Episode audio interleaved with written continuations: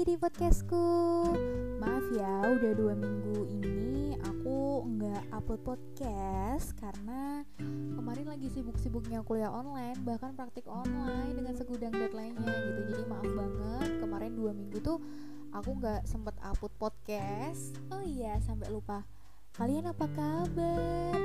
Kalian sehat kan?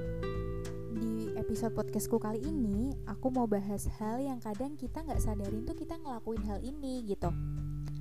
Ya buat reminder aja gitu untuk kalian dan diriku sendiri juga.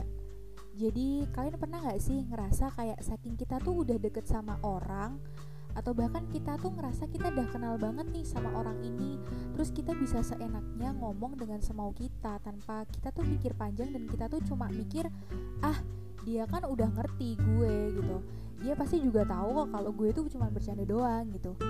Dia juga tahu kalau gue tuh nggak serius ngomong kayak gitu. Pernah gak sih kayak gitu?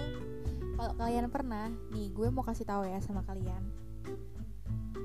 Aku pribadi pernah ngerasa kayak gitu. Tapi karena aku anaknya pakai perasaan banget kadang tuh ketika aku habis nyeletuk sesuatu omongan terus sampai di rumah tuh aku tuh kayak mikir eh tadi dia gimana ya waktu aku nyeletuk kayak gitu tadi perasaannya gimana ya? Tadi waktu aku ngomong kayak gitu situasi hatinya lagi gimana ya? Jadi sekarang sudah kurang lebih setahun belakangan ini aku belajar mencoba menjaga lisanku untuk tidak cepat-ceplos mengatakan sesuatu. At least itu cuma bercanda atau sebagainya ya.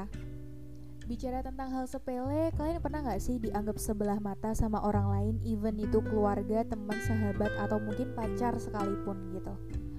Kalau aku pribadi sering ngalamin itu. Contohnya ya, aku sekarang seorang mahasiswa dan masih ada beberapa orang tuh yang anggapnya kayak gini.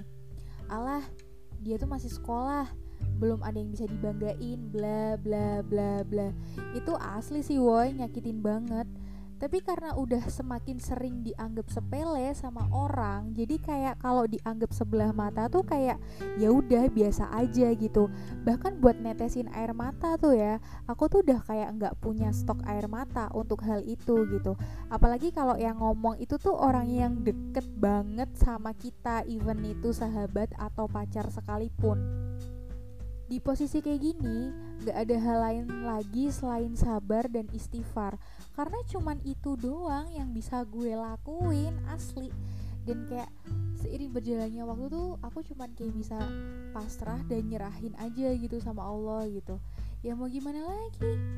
Namanya juga manusia kan dia pasti juga punya hilaf gitu. Sama kayak kita sama kayak aku juga gitu kadang emang bener sih kita berbuat baik sama orang tuh belum tentu orang itu baik juga sama kita. Tapi yang selalu jadi peganganku adalah even dia nggak ngebaikin aku balik tapi aku tuh setidaknya nggak pernah ninggalin luka ke orang itu. Dan aku tuh punya good track di hidupnya dia gitu loh.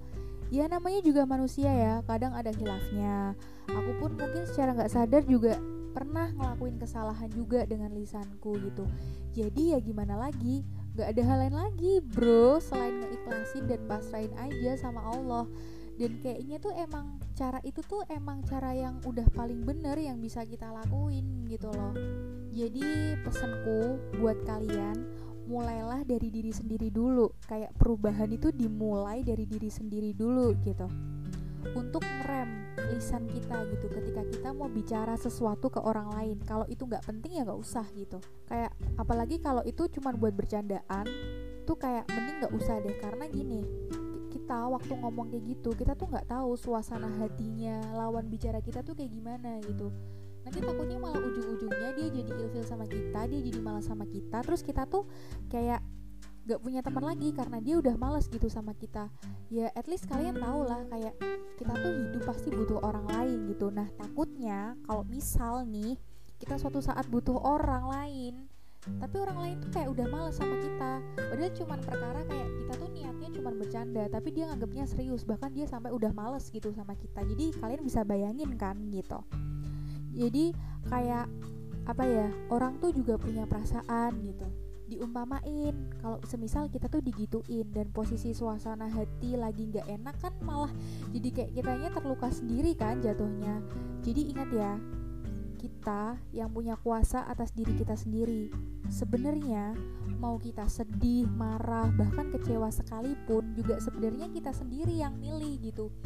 Ibarat melakukan kadang kesandung dan ra ono sing nulung gitu loh kayak kita tuh kadang jalan aja masih jatuh dan sama sekali nggak ada orang yang mau nolong gitu loh. Jadi mau gak mau ya kita harus bangkit sendiri gitu kan pastinya. Kita tuh lebih kuat dari apa pun apalagi kalau cuma kita jatuh karena omongan orang lain. Itu tuh gue ngerasa kayak rugi banget ya. Kita kalau berlarut-larut dalam sebuah kesedihan itu tuh malah gak akan bikin kita tuh jadi pribadi yang maju gitu.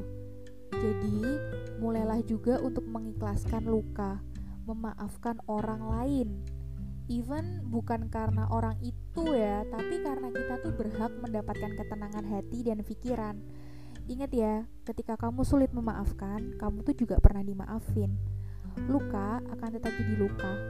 Biarkan luka yang sudah menetap menjadi luka ini tuh menjadi berarti gitu loh. Nggak cuma sekedar luka yang selalu nyakitin, tapi juga luka yang punya arti gitu loh. Dan berharga untuk diri kita gitu.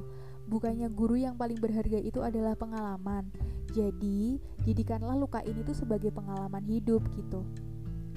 Iya benar, pengalaman hidup yang berarti dan menjadikan diri kita itu untuk jadi lebih semangat lagi dalam menjalani hari-harinya. Oke, jadi akhir kata dari aku semangat ya kita semua sama-sama. See you. Bye.